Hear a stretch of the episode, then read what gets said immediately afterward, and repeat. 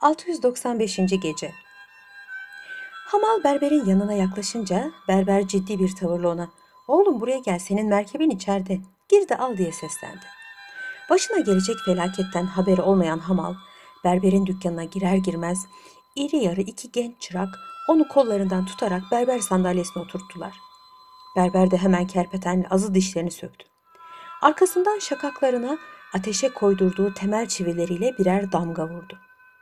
Hamal acının şiddetinden kendini yere attı, kıvranmaya başladı. Kendine geldiği zaman berbere bunu niçin yaptığını sordu. Berber de annesinin böyle istediğini söyleyince Hamal o kadının kendisine ve başkalarına oynadığı oyunların hepsini birer birer anlattı. O sırada Delile'yi aramaya çıkan ve berberin dükkanında buluşmaya karar veren boyacı ile arkadaşları da gelmişlerdi. Hamal onlara Delile'nin kendisine son oynadığı oyunu anlattı ve bu sefer yakalarsan cadının elinden kolay kolay kurtulamayacağını söyledi. Boyacı ile arkadaşları onlara katılan berberle birlikte tekrar cadı karıyı aramaya başladılar. Nihayet hava kararmak üzereyken onu yakalamaya muvaffak oldular. Vaktin geç olmasına rağmen valinin konağına götürdüler. Fakat valinin o sırada misafirleri olduğu için alt kattaki holde beklemek mecburiyetinde kaldılar.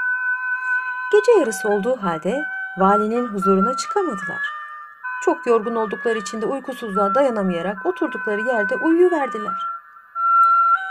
Bunu gören deliyle fırsattan istifade ederek usulcacık harem tarafına geçti. Valinin karısının hala uyumadığını, cariyeleriyle eğlenmekte olduğunu görünce de bir sevindi bir sevindi. Kendine çeki düzen vererek yanına girdi ve ''Muhterem hanımcığım'' dedi. Kocam esir tüccarıdır. Benimle zevcinizin sipariş ettiği beş köleyi gönderdi. Onları da aşağıda holde bıraktım. 1200 altına pazarlık etmişler. Kocam yarın erkenden seyahate çıkacağı için parayı istiyor. 200 altını size bırakalım ama 1000 altını verirseniz çok memnun oluruz. Gecenin sona erdiğini gören Şehrazat hikayesini burada bıraktı. Ertesi gece kocasının isteği üzerine yeniden anlatmaya başladı.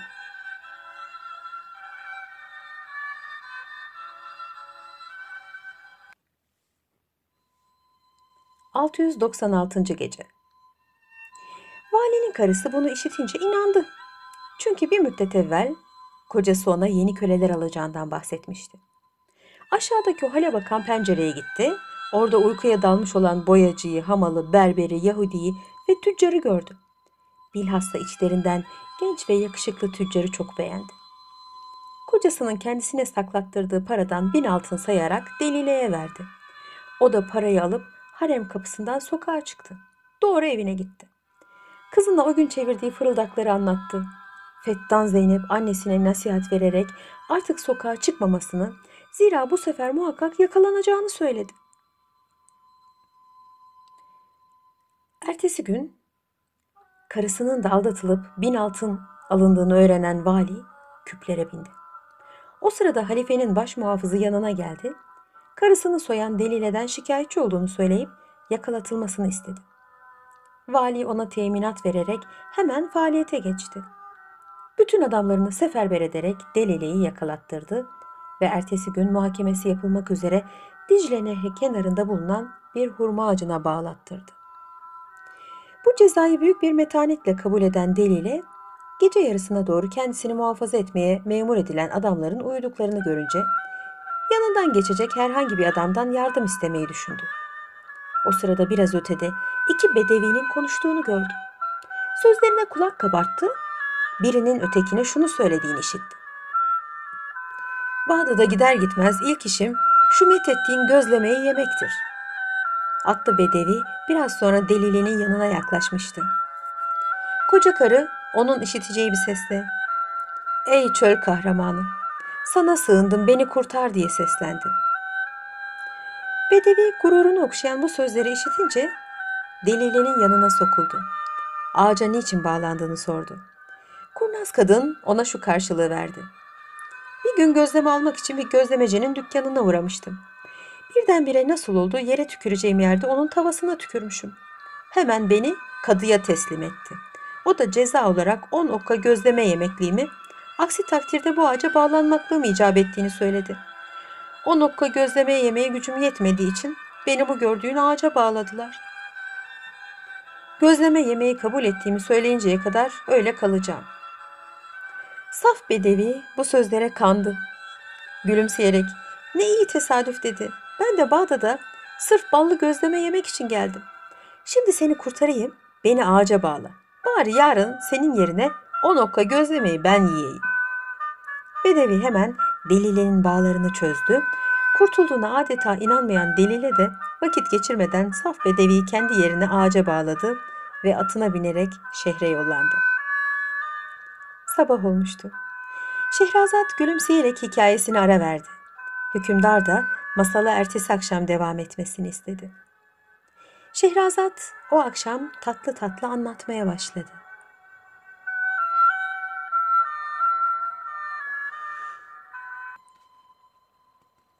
...697. Gece Sabaha karşı uyanan muhafızlar... ...delilerin yerinde bir bedevinin bağlanmış olduğunu görünce hayret ettiler. Bedevi ise etrafını saran muhafızlara bağırdı. Hadi ne duruyorsunuz? Gidip gözlemeye getirin. O nokkayı bitirmeden gitmeyeceğim. Bedevinin bu saçma sözlerinden bir şey anlamayan muhafızlar onun bağlarını çözüp sorguya çekince Delile'nin ona oynadığı oyunu öğrendiler. Bunu haber alan valinin fena halde canı sıkıldı. Bilhassa davacıların ısrarla haklarının alınması için onu sıkıştırmaya başlamaları sinirlerini büsbütün bozdu. Genç karısı soyulup ziynet eşyaları alınan baş muhafız, valinin bir iş yapamayacağını anlayınca diğer davacılarla beraber halifenin huzuruna çıkıp başlarından geçeni anlattı. Bunun üzerine Halife Harun Reşit, Ocakbaşı Ahmet Eldenef'i bu işe memur ederek Bağdat'ı heyecan içinde bırakan bu yaman cadı karıyı yakalayıp huzuruna getirmesini emretti. Ahmet Eldenef hemen en çok güvendiği avanelerinden 40 yiğidi topladı. Ne pahasına olursa olsun Delile'yi yakalamalarını söylediler.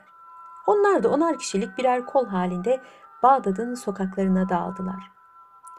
Delile'yi yakalamak için Ahmet Eldenef'le avanesinin faaliyete geçtiği bütün şehirde yayılmıştı. Bunu haber alan Fettan Zeynep annesine ''Yaman bir kadınsın, Ahmet Eldenef'e bir oyun oyna bakalım.'' dedi.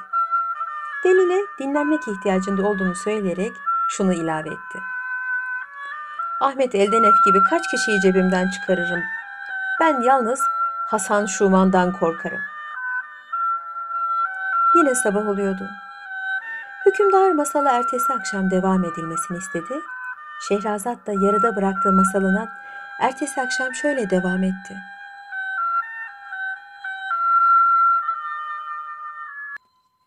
...698. Gece Zeynep biraz düşündükten sonra... ...o halde dedi... ...bana müsaade et. Bu sefer Ahmet Eldenef'le... ...40 avanesini ben kafese koyup onlara oyun oynayayım. Deliyle sesini çıkarmadı. Zeynep bir Hristiyan kızı gibi giyinerek sokağa çıktı. Dört yol ağzında bulunan bir aktar dükkanına uğradı. Kendisine ait olup boş bulunan bitişik dükkanı iş yapmak için kiralamak istediğini söyledi. Aktar da razı oldu. Zeynep onun istediği parayı verdi ve bir iki saat içinde orasını mükemmel bir meyhane haline koydu. Kapıda durup beklemeye başladı. Bir müddet sonra Ahmet Eldenef'in avanesinin geçtiklerini gördü. Onların kolbaşılarını çağırdı. Adı Ali olan delikanlı bu güzel kızın yanına koştu. Ne istediğini sordu. Zeynep cilveli bir eda ile. Benim babam Musulu'dur. Orada meyhanecilik yapardı. O ölünce babamın düşmanlarından korkup buraya geldim. Şimdi metini işittiğim Ahmet Eldenef'in himayesine sığınmak istiyorum. Kaba dayılarla gezdiğini görünce aradığım yiğidin sen olduğunu anladım. Ali bunu işitince gülümseyerek hayır dedi ben Ahmet Eldenef'in adamlarındanım. Zeynep başını salladı. Ziyanı yok. Madem ki arkadaşınızdır daha iyi oldu. Bari içeri girin size bir iki kadeh içki ikram edeyim. Yorgunluğunuzu alır. Ali Zeynep'in teklifini memnuniyetle karşıladı. O esnada dükkanın önünde yavaş yavaş toplanmış olan diğer 40 arkadaşını da davet etti. Zeynep böylelikle Ahmet Eldenef'in avanesini dükkanında toplayınca onlara evvela bir iki kadeh içki verdi. Hafif sarhoş olmaya başladıklarını görünce de içkinin içine afyon koydu. Kabadayılar o afyonlu içkinin tesiriyle birer birer oldukları yerde sızmaya başladılar. Çok geçmeden kapıda bekleyen Zeynep'in arzusu yerine geldi. Ahmet Eldenev köşe başından göründü, onu da içeri çağırdı. Ahmet bu güzel meyhaneci kızın davetini reddedemedi. Onun sunduğu afyonlu içkiyi o da içti ve kırk arkadaşı gibi o da sızdı. Zeynep hepsini yalnız iç esvaplarıyla bırakıp soydu. Eşyalarını ve paralarını dükkanın bir köşesine sakladığı merkebe yükleyerek evine götürdü. Şehrazat bu meraklı hikayesini burada kesmek zorunda kaldı. Çünkü artık sabah olmuştu. Hükümdarın isteği üzerine ertesi gece sözlerine şöyle devam etti.